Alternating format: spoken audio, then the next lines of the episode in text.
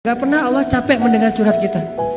Lagian kadang-kadang kita yang dicurhatin ke Allah itu masalahnya itu itu juga belum selesai. Allah nggak pernah bilang belum selesai juga masalah yang kemarin. Gak pernah Allah ngomong gitu.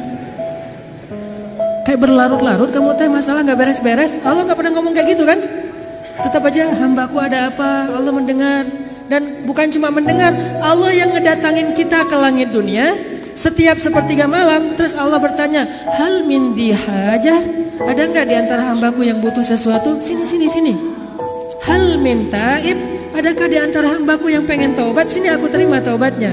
Hal min mustaghfir, adakah di antara hambaku yang pengen minta ampun? Sini aku ampuni dosanya. Allah datangin kita, Allah nawarin jasa kepada kita. Masih kita bilang juga Allah nggak berjasa dalam hidup kita.